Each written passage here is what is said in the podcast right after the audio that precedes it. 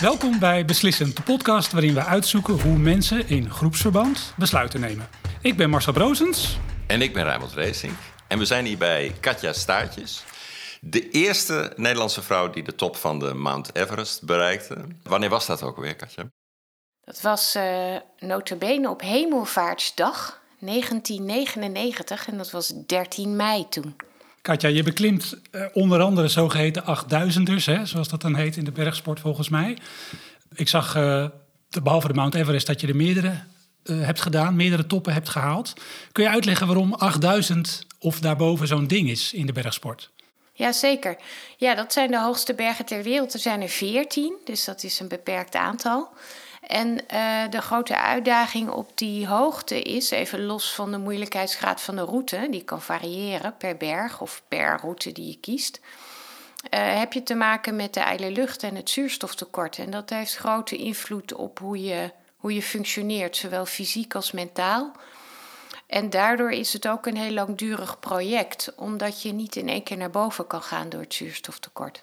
Dus je moet in klimrondes langzaam wennen aan de hoogte. Nou, als je kijkt naar de hoogte dan uh, in de wereld, dan is er menselijk leven hè, qua bewoning tot ongeveer 4800 meter. En boven de 7500 meter wordt het zelfs de zone des doods genoemd. Daar kun je hooguit een paar dagen in leven blijven. Maakt niet uit wat je doet. Nou, en dan kun je dus nog met zuurstof klimmen en zonder. Maar ik heb op de, behalve op het laatste stukje van Everest, heb ik zonder zuurstof geklommen. Dus dat maakt het dan nog uitdagender met die lucht. En, en dan even los van de kou en alle andere extreme omstandigheden. We vinden het fijn om eerst even persoonlijk kennis te maken op, op een aantal onderwerpen. Dus hebben wij een, een openingsrubriek, uh, Marcel, waarin we nou ja, steeds een aantal keuzes voorleggen. En die openingsrubriek die hebben we voor de gelegenheid de knoop doorhakken uh, gedoopt. Ja, wij blijven ons ook ontwikkelen met die rubriek. Dus we noemen hem nu knopen doorhakken. We gaan naar de eerste keuze. Dominant of meegaand? Nou, dan ben ik denk ik toch dominant. Ja. Intuïtief of analytisch? Uh, intuïtief. Controle of vertrouwen? Controle. Plannen of improviseren? Plannen. Ja, is, is in de bergsport ook niet improviseren een heel belangrijk ja, onderdeel? Om, om, op het moment dat je niet meer kan plannen. Maar er is zoveel wat je niet onder controle hebt, dat alles wat je wel onder controle hebt, je perfect voor elkaar moet hebben. Ja. De laatste, gids of Sherpa? Gids. Kun je die toelichten? Ja, ik denk dat ik. Uh, van nature ben ik wel proactief en neem ik initiatief. Uh, en ja, ben ik meer. Dan wil ik niet altijd zeggen als het gaat over anderen, maar in ieder geval als het gaat ook over mezelf, ben ik meer iemand die de lead neemt of voorop gaat of zegt kom op, dan dat ik anderen ondersteun. Hè? Want ik, en, en waarmee ik niet wil zeggen dat die drager niet belangrijk is, is ontzettend belangrijk. Want je doet het samen, maar even naar mezelf kijkend. Ja. Ik moet even denken aan het voortouw nemen. Is dat nou een, een gezegde of een spreekswijze die uit de bergsport komt eigenlijk? Of is dat iets met zeilen? Het is vaak iets met zeilen. Vaak iets ja, met maar zeilen. ook met klimmen. Ja? Het voortouw nemen is eigenlijk het voorklimmen, noemen we dat. Dus je zit samen aan een touw en dan gaat de voorklimmer gaat voorop om de route af te zekeren of, of voor te klimmen. En al dan niet maak je zekeringspunten met een haak of een, een anker of wat dan ook. Uh, en dat is, uh, ja, dat is een. Uh, ja, en dat is nog weer het volgende. Hè. Als ik met Henk klim, klimt Henk vaak voor, omdat hij technisch de betere klimmer is. Maar, maar goed, zo is het ook altijd weer verschillend. Henk is hè. jouw partner, Ja, en is mijn met- partner, met wie je veel expedities Ja. hebt gedaan. Ja, en met wie ik ook in de Alpen meestal klim. Ja. Goed, nou, we zijn eh, heel benieuwd naar hoe dit allemaal op bergen gaat. En met dit bedoel ik dan eh, tot besluiten komen met elkaar. Want zo'n expeditie bestaat natuurlijk uit meerdere personen. Ik heb je een keer horen vertellen over een moment waarop jullie besloten om eigenlijk vlak onder de top terug te keren. Dus om te draaien en niet door te klimmen naar de top. Kun je ons eens vertellen waar dat was, wanneer dat was, met wie dat was? Dat was in 2008 op de berg Manaslu, een berg van 8163 meter. Um, en dat, dat was de tweede keer dat wij op die berg waren. Want wij waren een half jaar eerder daar ook geweest met een Nederlands team. Waren we met z'n zessen. En uh, toen keerden we op 300 meter onder de top om. Een teamgenoot werd ziek. En uh, uh, nou ja, een lang verhaal, maar eigenlijk kwam het erop neer... De, die hele top doet er verder niet toe als iemand ziek wordt. Maar een half jaar later waren we daar dus terug, Henk en ik met z'n tweeën. Voor het eerst dat we dat durfden als tweemansteam. En hadden we een kok in het basiskamp als ondersteuning heel belangrijk. En samen met een ander team waren wij toen de eerste die een toppoging ging doen. Uh, de, eh, dus we moesten nog eh, touwen aanbrengen waar dat nodig was.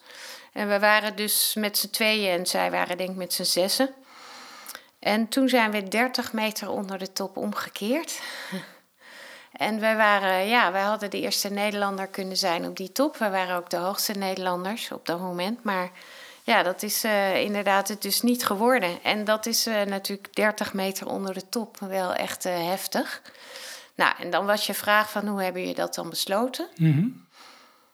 Nou, samenvattend was het puur intuïtie. Het is te gevaarlijk. En daar zit dan natuurlijk een heel verhaal onder. Hè, waarom beslis je dat? Maar het, het was echt in een split second... Want het ging over besluitvorming. In een split second duidelijk uh, dit gaan we niet doen. En ik was de eerste die dat ook meteen zei. Had het iets met het weer te maken, met hoe je je voelde? Ja, nou dan is het toch goed om er inderdaad iets meer over te zeggen, zodat het duidelijk wordt hoe het ging. Uh, het was de weken daarvoor verschrikkelijk slecht weer geweest, met heel veel sneeuw. Echt zoveel sneeuw als we nog nooit hebben meegemaakt. Dus hele kampen die waren weggevaagd door de sneeuw. We zijn ook een paar keer omhoog gegaan om onze tent in kamp 1 uit te graven. Maar een ander team die is een hele kamp kwijtgeraakt met zuurstofflessen, touwen en al. Dus dat was niet meer terug te vinden. Um, vervolgens zaten we in die topbogging en zij hadden uh, niet genoeg touw mee. En wij hadden één touwtje mee. En zij gebruikte zuurstof en wij niet. Dus zij waren op een gegeven moment wat sneller dan wij, logisch. Het is een wonder dat we nog samen klommen. En toen zeiden ze tegen ons: Mogen we jullie touw lenen? Nou, dat is ook al zo'n besluitvormingsproces, want wij hadden één touw mee geef je je touw weg als je op een berg zit. Dus de eerste neiging was om te zeggen: nee, natuurlijk niet. Wij hebben een touw mee. Toen stonden we even te praten, dus dat was zeg maar een paar minuten.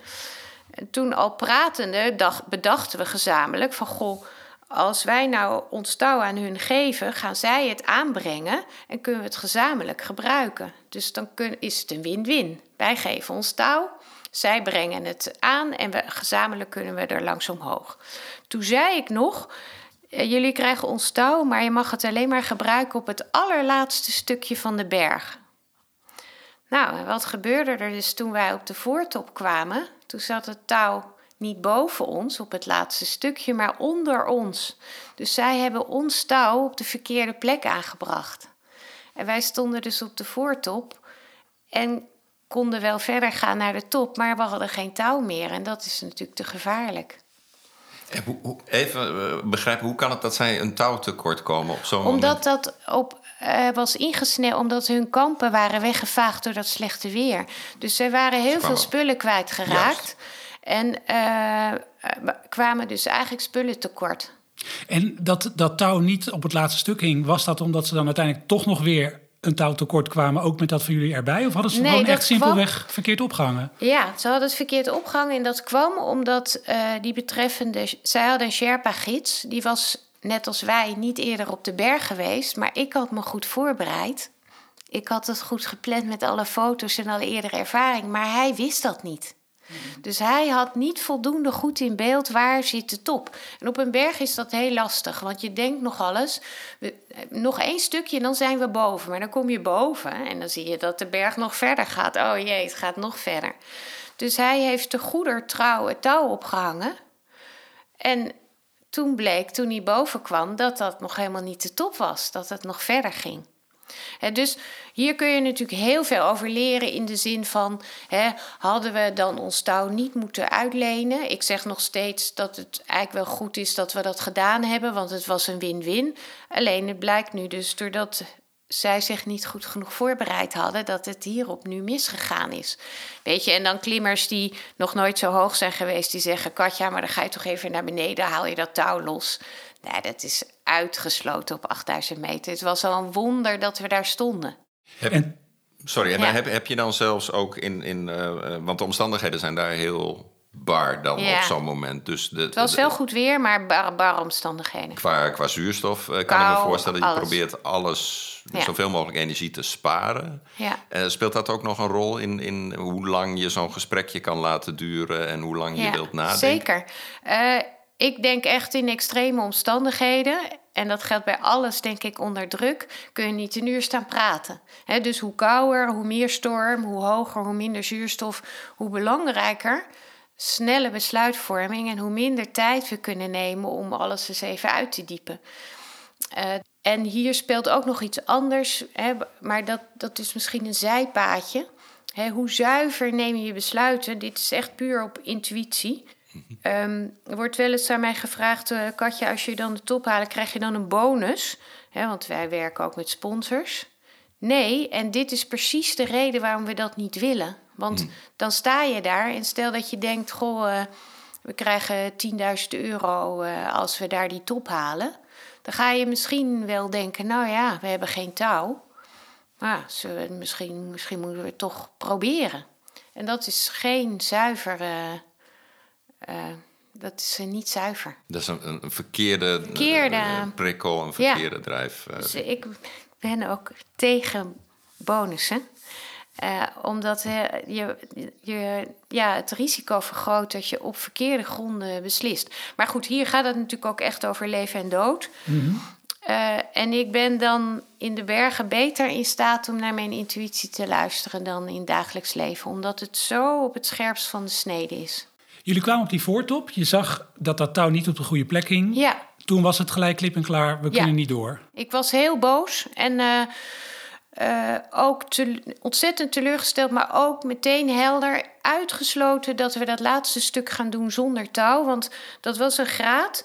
Uh, maar door de wind, in Nederland hebben, hebben, we het heel af en toe gezien. Twee jaar geleden bijvoorbeeld met sneeuw. Sneeuw en wind. Dan gaat die sneeuw waait over die graad heen. Alleen wij keken hier zo tegenaan. Dus als je daar overheen loopt, kan dat sneeuwrandje afbreken. Dus als je zonder touw daar overheen gaat over die berg, dan kun je gewoon 3000 meter naar beneden lazeren. Ja, dat is, was veel te gevaarlijk. En voor Henk, want je was er daar met Henk, was dat ook meteen duidelijk? Uh, of hebben jullie daar nog even over moeten discussiëren? Ja, het is wel interessant, want je geheugen werkt heel. Je bent echt, uh, functioneert heel slecht hoor, op die hoogte. Um, nou, ik denk wel dat ik in de lead was qua besluiten om het meteen helder te maken. Um, maar ik, we hebben daar niet heel uitge we hebben daar niet over staan discussiëren. Volgens mij, ik weet niet meer precies hoe het gegaan is, maar het was wel snel helder. Right. Zo gaan we het doen. Was er ook een rolverdeling tussen jullie wat dat betreft? In, in, uh, want jullie zijn, uh, jullie zijn partners, maar je, ja. uh, is, is er ook is duidelijk dat jij bijvoorbeeld het eindoordeel hebt? Of is dat in, als jullie met z'n tweeën klimmen niet zo? Mm, nee, het hangt helemaal van de situatie af. Als bijvoorbeeld de technisch heel lastig is, is Henk de beste klimmer, dan klimt hij voor en is hij in de lead als het gaat over de besluiten. Uh, alhoewel het zo is als een van de twee niet verder wil, je kan een ander nooit meesleuren. He, je kan proberen de ander misschien te gerust te stellen. En soms is dat bij mij, heeft dat gewerkt dat ik, uh, dat, dat ik dan dat ik zeg: oké, we, gaan.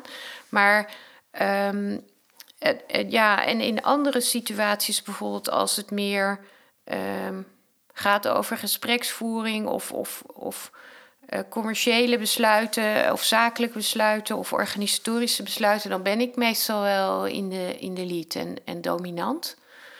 Um, maar het is ook wel eens zo geweest dat Henk niet verder wilde. Uh, en toen zijn we omgekeerd. Maar dat vind ik misschien wel lastiger om dan me daarin aan te passen dan Henk. Ik denk dat ik dat ingewikkelder vind daar kan ik ook eindeloos over blijven modderen. Hè, achteraf bij mezelf. Van als we nou dit, als we nou dat. Ook tegen hem of zit dat in je hoofd? Nou, vooral tegen mezelf. Een beetje misschien tegen hem, maar vooral bij mezelf. Dat ik eindeloos daar in kan blijven hangen. Niet zozeer als het gaat over het weer, dat kunnen we niet beïnvloeden. Maar wel als ik denk, als we nou het zo gedaan hadden, dan, dan, dan. Een bepaalde route net iets anders, Ja. zulke dingen. Ja. Hey, misschien dat moment een half jaar eerder, zei je. Toen waren jullie ook al op die top. Ja, Eh, toen was er iemand ziek. Toen was Ja. de groep wat groter, als Ja. ik het goed begrijp. Ja. Kun je vertellen hoe dat toen ging? Ja, nou toen waren wij eh, met een Nederlands team van, eh, van vijf. Eén één basiskampmanager, Menno Boermans, de fotograaf ook van het boek Topteams. En vier Nederlandse klimmers en twee Sherpa's, twee ne Nepalezen. Maar wij klommen in gelijkwaardigheid met z'n zessen. En wij zaten in de, in de klim naar het hoogste kamp, kamp 4. Dat dus nog niet stond, want je gaat daar naartoe en dan ga je die tent pas opzetten. Eh, dus we hadden hele zware rugzakken en we waren de eerste weer van het seizoen samen met een andere ploeg. En er moesten nog touwen worden gefixeerd, dus dat duurde allemaal eindeloos. Dus daar hadden we nog heel veel touwen inderdaad. Die moeten dan aan het ijs worden en sneeuw worden vastgemaakt. Dus wij hadden ons wat opgesplitst. Ik zat in het voorste groepje. En Henk, Mirjam en een van onze Sherpa's zaten in het achterste groepje. En ehm, wij weten dus niet, we wisten niet dat dat gebeurde, maar Mirjam raakte onderkoeld. Eh, die had haar donskleding op dat moment niet aan, maar die moest telkens wachten. Dus toen hebben ze haar donskleding aangedaan en die is onderkoeld geraakt toch. En toen was de vraag, wat nu? Dat was slechts 100 meter onder dat nieuwe kampje. Dus je kunt of 100 meter verder klimmen of het hele stuk weer teruggaan. Dat is eigenlijk veel langer. Dus zij hebben met z'n drieën besloten, we gaan door. Dus zij kwamen aan bij het kampje. Daar had ik inmiddels met de andere twee een tent opgezet. En toen bleek dat Mirjam onderkoeld was. Dus wat nu? Wat zijn daar de symptomen van? Hoe, hoe merkte je dat? Nou, het was niet vanuit haar tenen, maar echt eh, vanuit het centrum dat ze gewoon. Nou, toen ging het alweer wat beter, maar dat ze niet helemaal volledig, ja, helder. Hè? Dus heel traag. eh, heel je, en je koud. wijst nu naar het centrum van je lichaam. Dus het is je core ja, eigenlijk je core. die Ja, te koud wordt. ja. Nou, dus als eerste hebben we haar geprobeerd warm te maken, drinken maken, thee maken in de slaapzak zo snel mogelijk. Nou, dat eh, was een, is een uren durend proces. En toen was de grote vraag natuurlijk, hè, het werd na, avond, nacht. We zouden in de, in de nacht gaan vertrekken naar de top. Wat nu?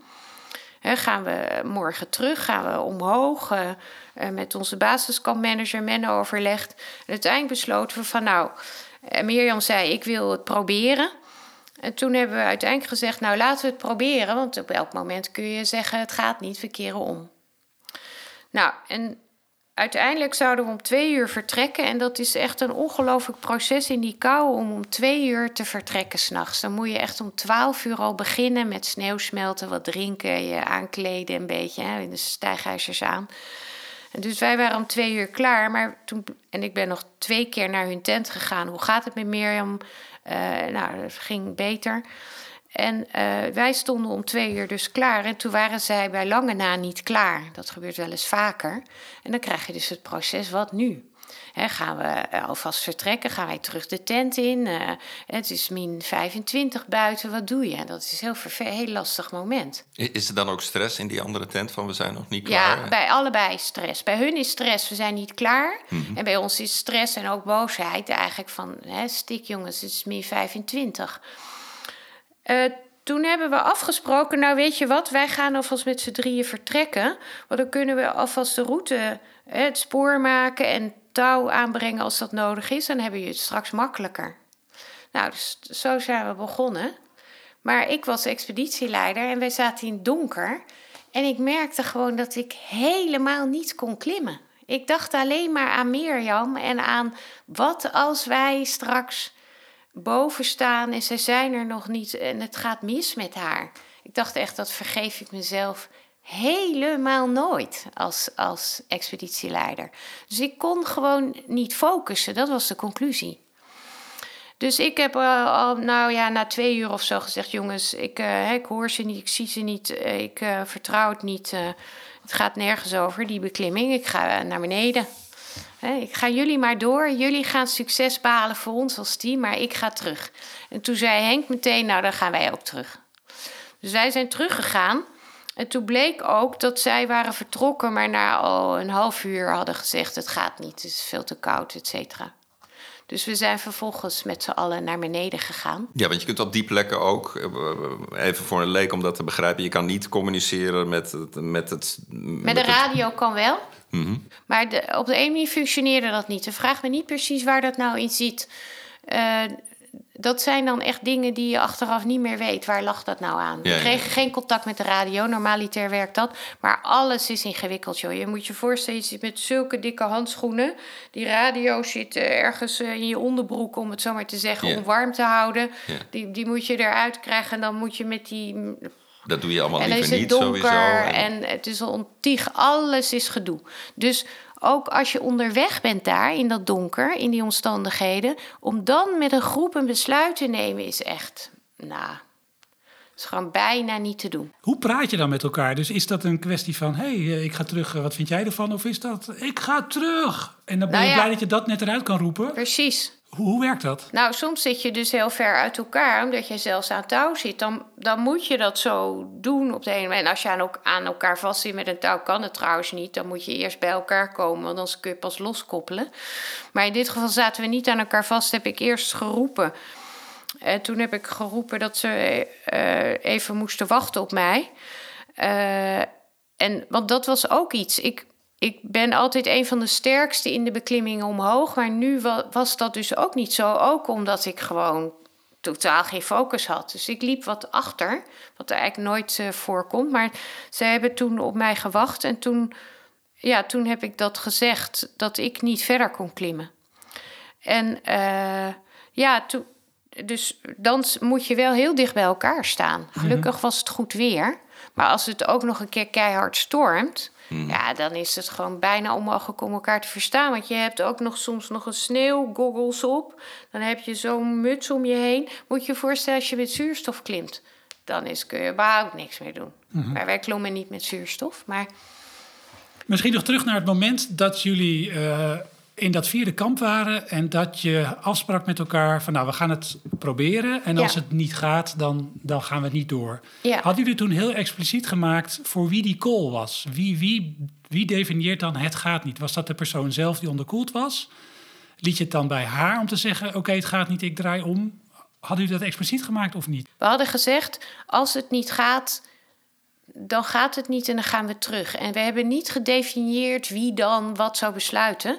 Maar dat is wat mij betreft uh, helder in de zin dat als de persoon zelf vindt dat het niet gaat, dan gaat het niet. En als wij vinden, want iemand die bijvoorbeeld ook hoogteziek heeft, kan zelf niet meer goed beslissen, eh, daar moet voor besloten worden.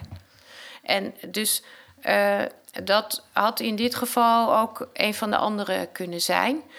Uh, maar sowieso, als in een beklimming iemand zegt het gaat niet, dan kun je iemand niet dwingen. Want je, je, je kan iemand niet meesleuren, je kan niet iemand zeggen je moet je voet voor de ander zetten. Dan moet je daar iets mee. En dat is ook iets wat je, wat je van tevoren wel impliciet of expliciet weet. Dat, dat als er zo'n moment komt, iedereen in het team weet dat. Eén principe bespreken we vooraf. Dat is namelijk dat gezondheid altijd boven de top gaat.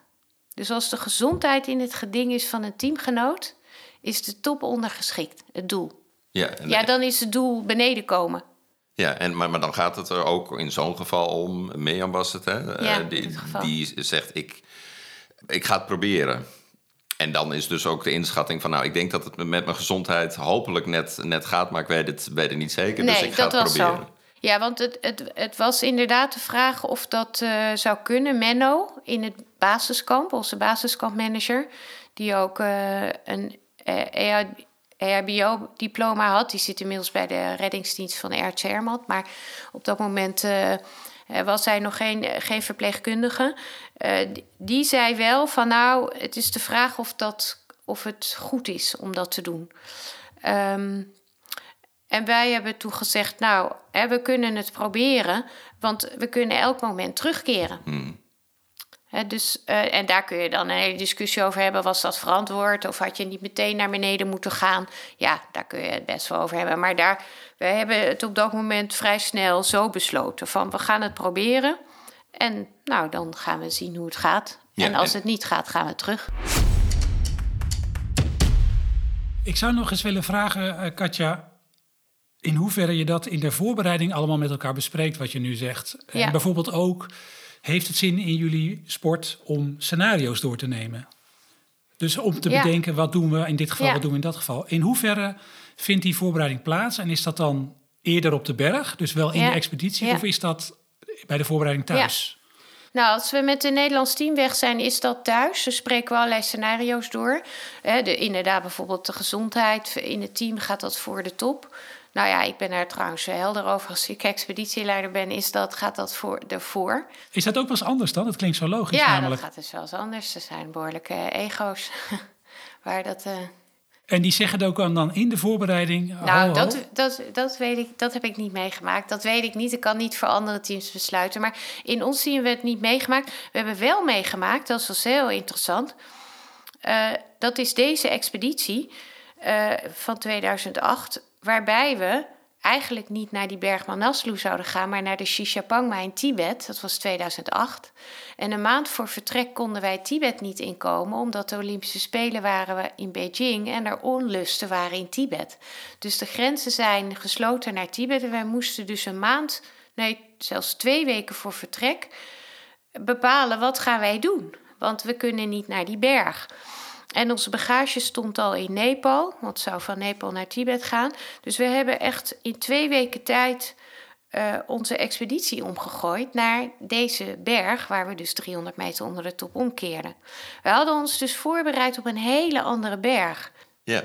En, en in, in dit geval, hè, want je moest dus heel kort van tevoren het, het, hele plan bijstellen. Je gaf net aan, ik ben wel van plannen. Ja. Uh, en ik kan me voorstellen, de, de, de beklimming die je had voorbereid, die dan niet doorgaat, ja, daar ben je dan ook gewoon echt ook met de techniek en hoe ziet die berg eruit bezig, lijkt mij. Ja, dat was heel heftig. En, en, maar is dan, um, omdat je maar een hele korte tijd hebt om de nieuwe berg voor te bereiden, Leidt dat dan ook dat, je, dat jullie allemaal heel snel informatie aan het zoeken bent en je heel snel dan nog gaat verdiepen in wat is eigenlijk de. Ik heb helemaal 24 uur per dag gewerkt. We moesten alles lezen over die berg. En wij zouden eigenlijk met alleen Nederlanders klimmen zonder Nepalezen.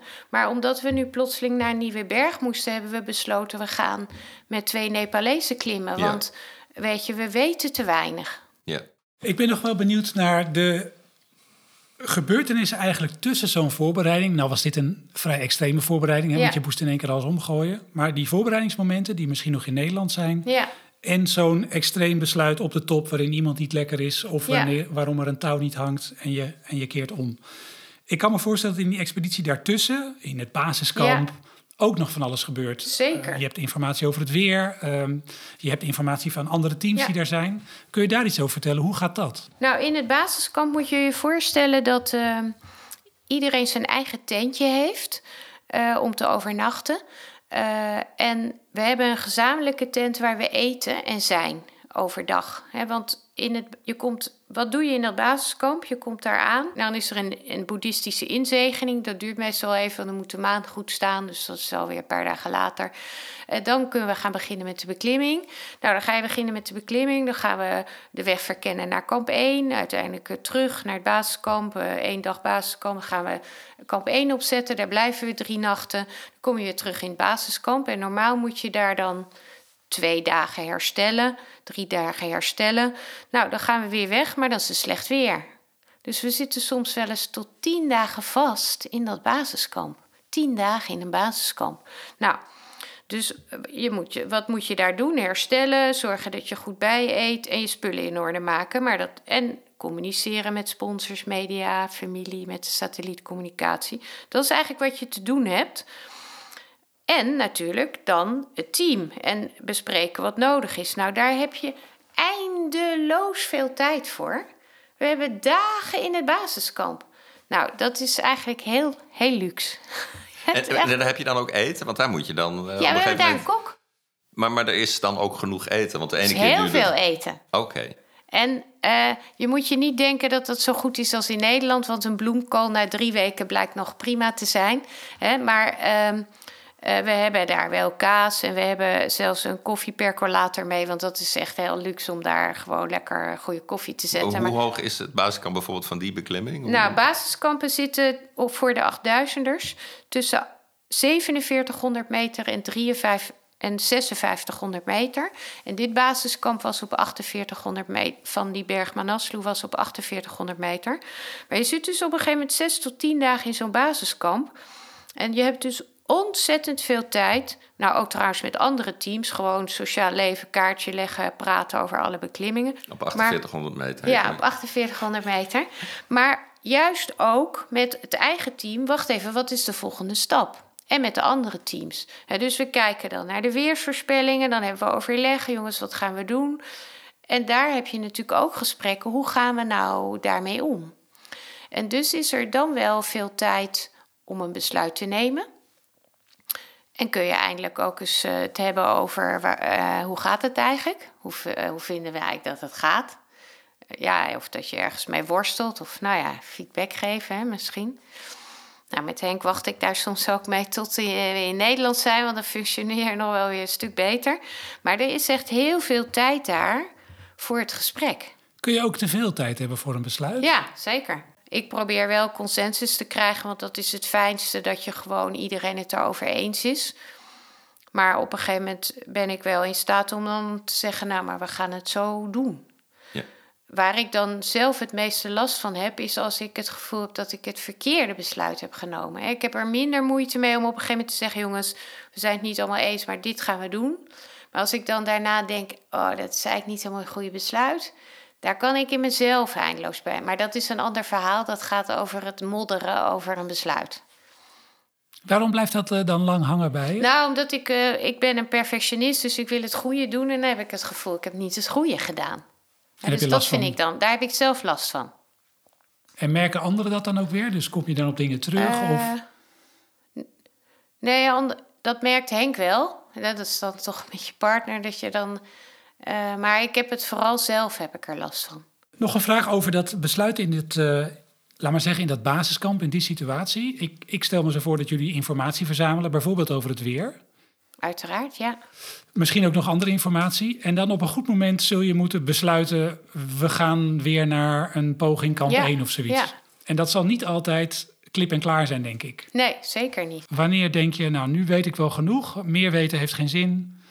Ik, we gaan wat doen, we gaan wat kiezen. Wij kochten weerbericht in voor 1000 euro. En dan krijgen we elke dag het weerbericht, heel professioneel, met, uh, zoals eigenlijk in de luchtvaart uh, of op zee wordt gebruikt.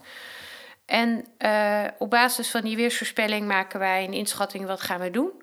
En we weten dan op een gegeven moment, zo laat komt het weerbericht, dus dan moeten we kijken, want dan hebben we het laatste weerbericht. en dat betekent meestal dat je eind van de middag, s avonds het besluit neemt, we gaan morgen weg. Maar soms, uh, we hebben ook wel gehad, dan kwam het weerbericht binnen, smiddags om drie uur. Dat we zeiden, maar wacht even, we moeten, we moeten nu weg.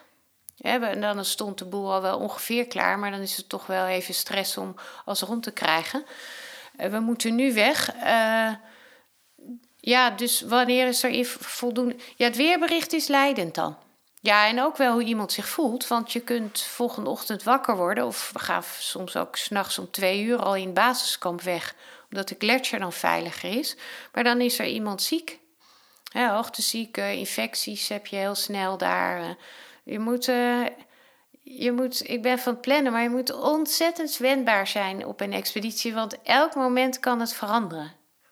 Zijn dat de twee belangrijkste dingen? Gezondheid van het team en uh, de weersomstandigheden? Of zijn er ook nog andere dingen waar je afhankelijk van bent?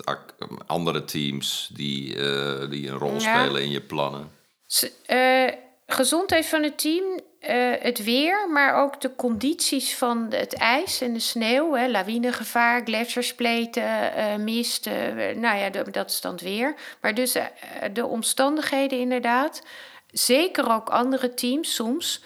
Uh, als we bijvoorbeeld uh, voorop gaan, uh, dan is de vraag: hè, wie gaat voorop? Hoe verdelen we die taken? Nou, er zijn ook soms teams die denken: heb ik geen zin in, dat zware werk kan mooi iemand anders doen. Dan wacht ik wel een dag en dan ga ik er mooi achteraan. Wat ik hiervan leer is dat je weliswaar zegt: in dat basiskamp heb je dan soms de tijd. Maar toch is er eigenlijk misschien wel dagelijks een soort window of opportunity, om het even in Engels te zeggen, waarop je iets moet besluiten, soms ook heel snel. Zeker. Uh, inderdaad, en we hebben ook werko werkoverleg.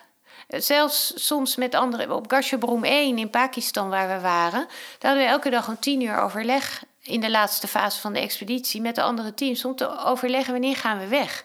Dan keken we naar de verschillende weersberichten. Sterker nog, we hebben toen s morgens besloten we gaan morgen weg. En wij lagen al in de tent. Ik wilde zeggen, we lagen al in bed, maar we lagen al in de slaapzak in de tent. En toen kwam de Duitse expeditieleider langs om, ik denk, acht uur s avonds. Het was donker. En uh, die zei, uh, Katja Henk, we krijgen het nieuwe weerbericht binnen. En volgens mij moeten we niet morgen weggaan. We moeten een dag later weggaan. Ja, hij was heel ervaren. en ook een berggids. En wij hebben dat toen oh, aangenomen. Hij was heel ervaren. Hij had van een ander weerinstituut een weerbericht. En toen hebben we gezegd, nou, oké, dan gaan we niet morgen weg, maar pas weer een dag later. En, en, maar je had ook kunnen zeggen, ja, uh, het is goed, maar we hebben, wij hebben onze informatie ja. en we willen nu wel een keer gaan. Tuurlijk, ik was expeditieleider binnen ons team. Hij was expeditieleider voor hun team. Maar als we gingen kijken naar ervaring, was hij meer ervaren dan ik. Als dat het goede besluit is, want volgens mij was dat dan waarschijnlijk het goede besluit, dat weet je nog steeds niet zeker. Maar hmm. dan heb ik er geen, is het geen probleem om dat uh, te veranderen. Nee, niet ook je positie als expeditieleider nee. die eigenlijk nee, een ander besluit had nee, genomen. Nee, nee. Wat en wat je hier aan ziet is, uh, dit was dan nog in het basiskamp. Hè? Maar als je op een, uh, bijvoorbeeld kamp 3 op Everest, dan sta je in een uh, helling van 70, nou nee, ik overdrijf, 50 graden. daar staan allemaal tentjes op een rij. Als je daar dus een verandering wil hebben van het besluit, van, wat, van het plan, moet je dus al die tentjes af. Ja. dus als je als teamlid denkt, ik wil dat het anders gaat, nou dan moet je. Maar als je als expeditieleider dat wil, moet je hetzelfde doen. Iemand die iets wil veranderen, moet alles af. Dus grote teams is heel ingewikkeld op een berg. Dus ik ben echt voor kleine teams. Hoe, en dat denk ik dat überhaupt zo is. In lastige omstandigheden is het belangrijk om niet te grote teams te hebben, want de besluitvorming is te ingewikkeld. Ja, of je moet heel hiërarchisch besluiten, dan kan. Hè? Ja, maar dat gaat dus eigenlijk niet met allemaal aparte expeditieleiders die dan eigenlijk in zekere zin autonoom uh, zijn, maar, je, maar elkaar ook wel weer nodig hebben uh, dan op Everest. Nou, ook als je met verschillende teams bent, moet je met elkaar afstemmen. Of je stemt niet met elkaar af, dan is het niet gecoördineerd. Maar eigenlijk pleit ik uh, voor liever voor meerdere kleine teams dan voor één heel groot team. Dus je kunt beter volgens mij een paar kleine teams zijn, want die hebben dan toch ook enigszins hun autonomie, dan dat je een team bent van twintig klimmers. Het is veel te complex. Maar sommige mensen zullen zeggen: fijn, heel veel perspectieven, want dan krijgen we het probleem beter in kaart. Dus als we dat bij elkaar brengen. Ja, dan... dat kan natuurlijk. Eh, dat kan als het heel complex is. Uh, hè, dan is het heel fijn om uh, allemaal perspectieven, diversiteit, tegenspraak, et cetera. Maar in extreme omstandigheden, dan moet je vooral een besluit nemen. En hmm. dan uh, kan je niet eindeloos alle perspectieven op tafel leggen. Nee, en dan is dus hè, ook, dan is het gewoon, je hebt Dit tijdsdruk. Gaan doen. Ja. En op een bepaald moment is de informatie goed genoeg. Of zeg je, ik vertrouw deze informatie, want dat is ook een belangrijk Precies. Kijk, en in dit geval waren we met drie kleine teams. Die Duitse expeditieleider komt naar mij toe. Dan is het mijn verantwoordelijkheid dat ik binnen ons teampje dat communiceer. Maar als je zo'n plannetje verandert en je bent in een team van 30, dan moet je dus al die 30 af. En nu was het, hè, met de, dan kun je in je eigen kleine teampje dat vrij snel uh, regelen. En in het basiskamp kunnen we, als we overdag weer in de tent zitten samen, kunnen we het daar langer over hebben. Als ik het goed begrijp, Katja, zeg je van op zo'n berg is het uiteindelijk geen rocket science. Ik bedoel, dus het is natuurlijk nog steeds wel spannend. Maar je hebt een paar dingen waar je, die je meeweegt. Ja. En op basis daarvan moet je het binnen een bepaalde tijd gewoon besluiten. Klaar. Precies. En dan is een kleiner team fijner. Ja. We wilden nog een ander ding uh, aanstippen. Wat je noemde al, dat je bij het Nederlandse team mensen uh, uit Nepal bijvoorbeeld in het team hebt zitten. Ja. Zijn er dan culturele verschillen die je moet overbruggen om te zorgen dat je tot goede besluiten komt? Hè? Bijvoorbeeld, ik kan me voorstellen dat Nederlanders zich makkelijk uitspreken. Dit is een aanname, weet ik niet zomaar. Ja, uh, en dat is natuurlijk wel belangrijk, zeker onder gevaarlijke, in gevaarlijke situaties. Zeker. Dus, dus merk je daar iets van in zo'n team en hoe overbrug je dat? Ja, zeker. Grote verschillen. Uh, ook overigens nu in de loop der jaren.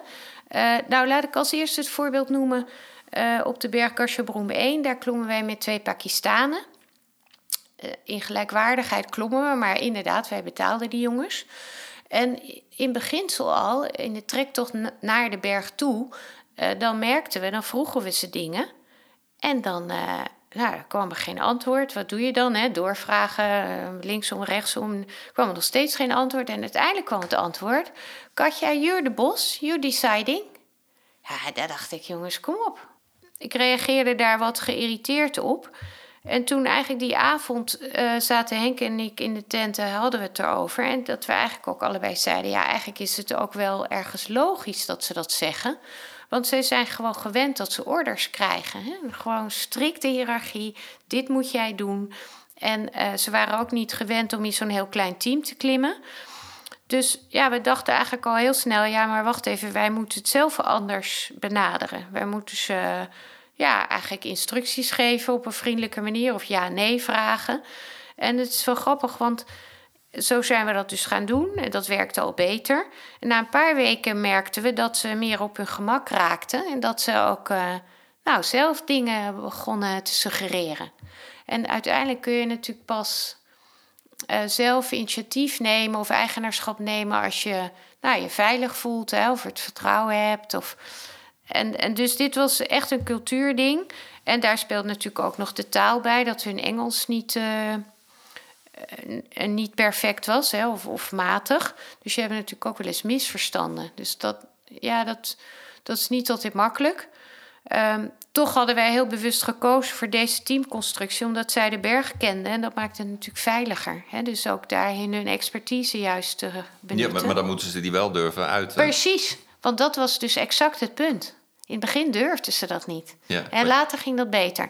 Nou, als je nu kijkt naar de Nepalezen en de Pakistanen. De Nepalezen lopen voor op de Pakistaanse klimmers.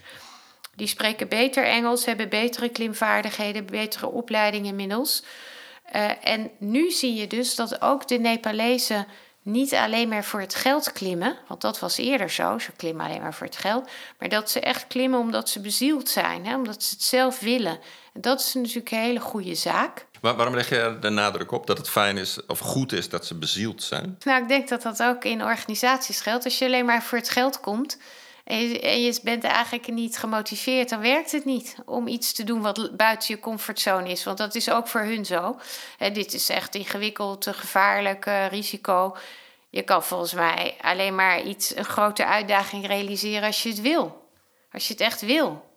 Speelt hier ook, hè, want je, gaf aan, met die Pakistani was het zo dat dat moest groeien. Uh, het moment waarop ze ook hun expertise durfden uh, te delen. Ik kan me voorstellen dat dat ook speelt op het vlak van gezondheid. Dus daar moet je, moeten mensen ook durven zeggen ik heb de focus niet. Of ik, heb, ik, ik voel me niet goed. Ik kan me voorstellen dat er momenten zijn dat dat duidelijk is. Maar ook dat je daar eh, voortdurend de vinger aan de pols moet houden. En als iemand dan dat niet durft te zeggen of daar risico's in neemt. Gebeurt dat ook? Ja, dat gebeurt soms ook. En dan moet je een besluit nemen. Sterker nog, we hebben uh, in één expeditie uh, met de lokale klimmer een besluit genomen dat hij niet verder zou klimmen met ons. Omdat hij, uh, nou, volgens ons niet gemotiveerd was en alleen maar voor het geld kwam. En dus eigenlijk telkens bang was maar ja, toch dacht het verdient heel veel geld. En dus de hele tijd uh, riep van, uh, het weer is niet goed genoeg, we gaan te vroeg weg, uh, we moeten met meer zijn. en uiteindelijk hij ook nog veel te weinig dronk, dus waarschijnlijk um, nierstenen had. Dat, dat dacht een, een arts, maar waarbij ik uiteindelijk het besluit heb genomen, we gaan ermee stoppen ja, dat was, dat was niet waar. En eerst hebben we nog een gesprek met hem gehad. Hè, want dat werkt natuurlijk zo dat je. Ze moet iemand wel een kans geven. Maar goed, we hebben daar ook niet zo heel veel tijd om nog dingen uit te proberen. Dus ik heb uiteindelijk toen besluit genomen. Ja, dit, dit gaat niet werken zo. En zo hm. is het natuurlijk soms ook. Je moet ook soms afscheid nemen van iemand. Maar ik was helemaal kapot van. Hm. Zelf was je er Ja, helemaal... ik was er helemaal kapot van. Alleen al eh, tenminste, ik vind nou een, een, een functioneringsgesprek met iemand voeren. Uh, waarbij het niet goed. Waarbij ik dan als leidinggever het idee heb: het gaat niet goed. Dat vind ik al ingewikkeld. Vraagt veel energie.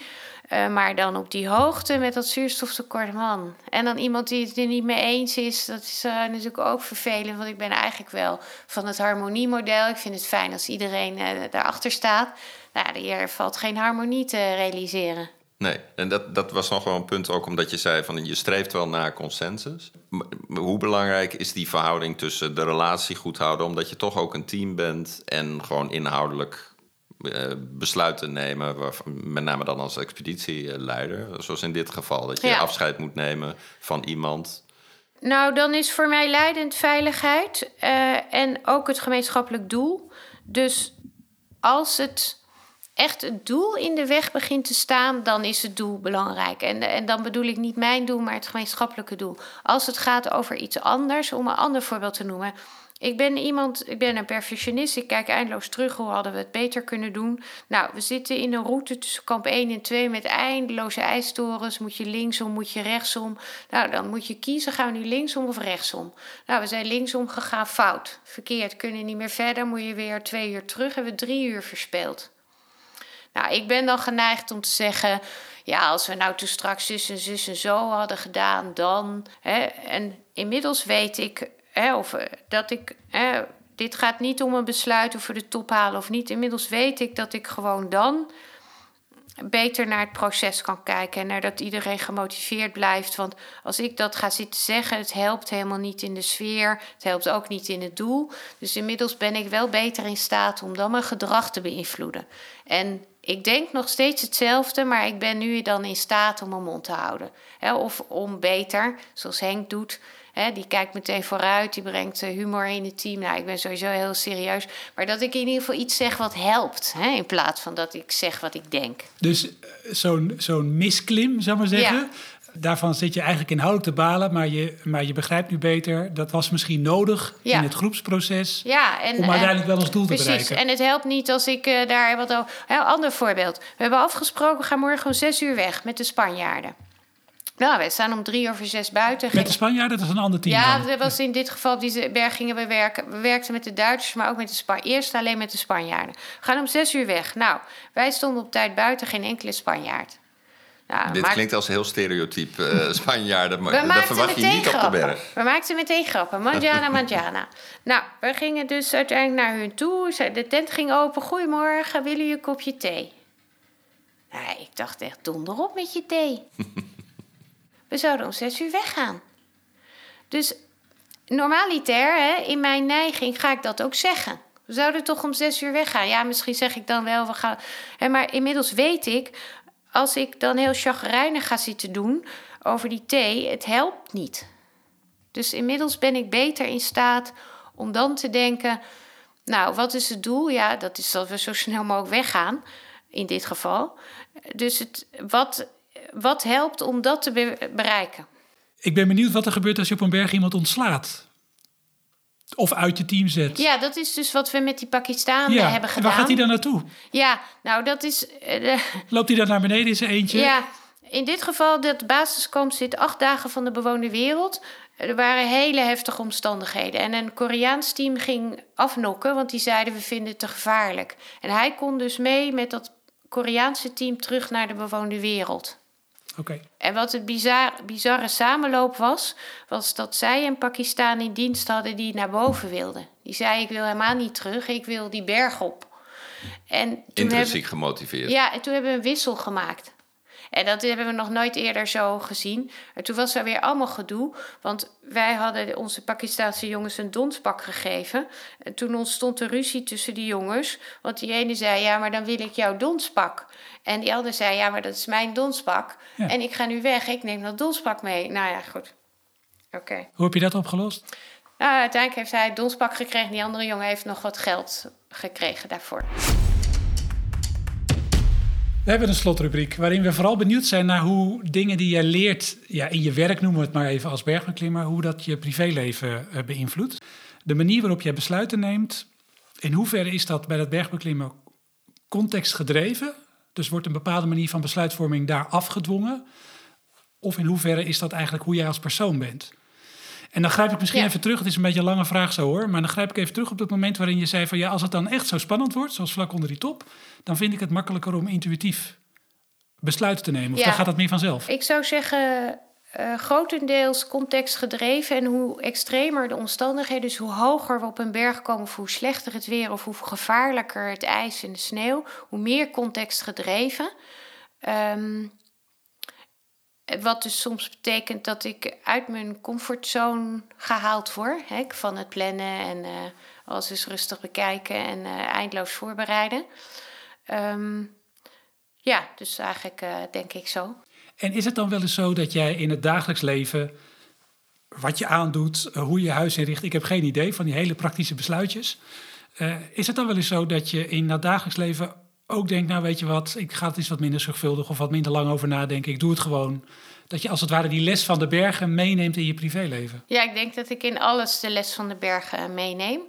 Eh, ja, waarbij nog steeds wel mijn neiging is om te veel voor te bereiden en te veel te plannen en te zorgvuldig. Ehm, dat heeft me ook ergens gebracht. Maar het heeft ook een keerzijde, vraagt veel tijd. Ik zat te denken, ja, die, eh, we, zitten een hele tijd te kletsen natuurlijk, Katje. Maar ik, misschien toch nog even, want jij zegt, de bergen hebben me heel veel lessen geleerd. En als je gewoon, als het gaat om besluiten nemen, en misschien heb je dan gewoon een, een, iets waarvan je denkt, dat is een les die ik meeneem gewoon in mijn dagelijks leven. Niet iets per se uit de bergen, maar het gaat uiteindelijk om, om de zaak en niet om jezelf. Het, dat is voor mij leidend. En de bergen hebben me meer geleerd om nederig te zijn.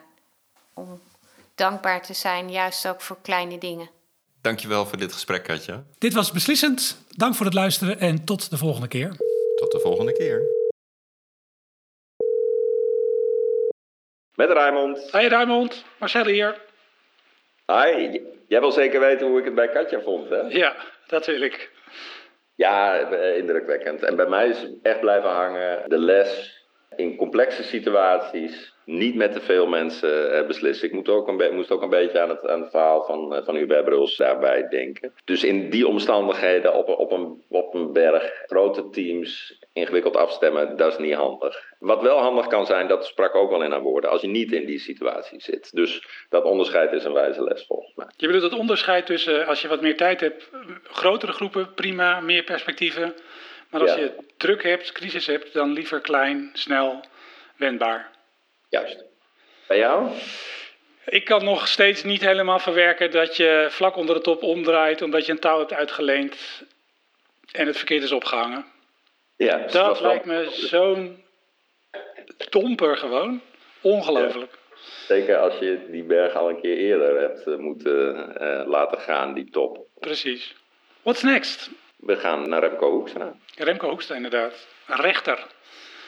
Ja, En zit vaak in wat dan een meervoudige kamer heet. Dat betekent dat ze met drie of een ander aantal rechters zitten en dus met elkaar moeten besluiten over een zaak.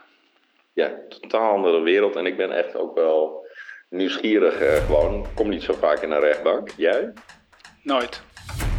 Alright, naar de rechtbank. Ja.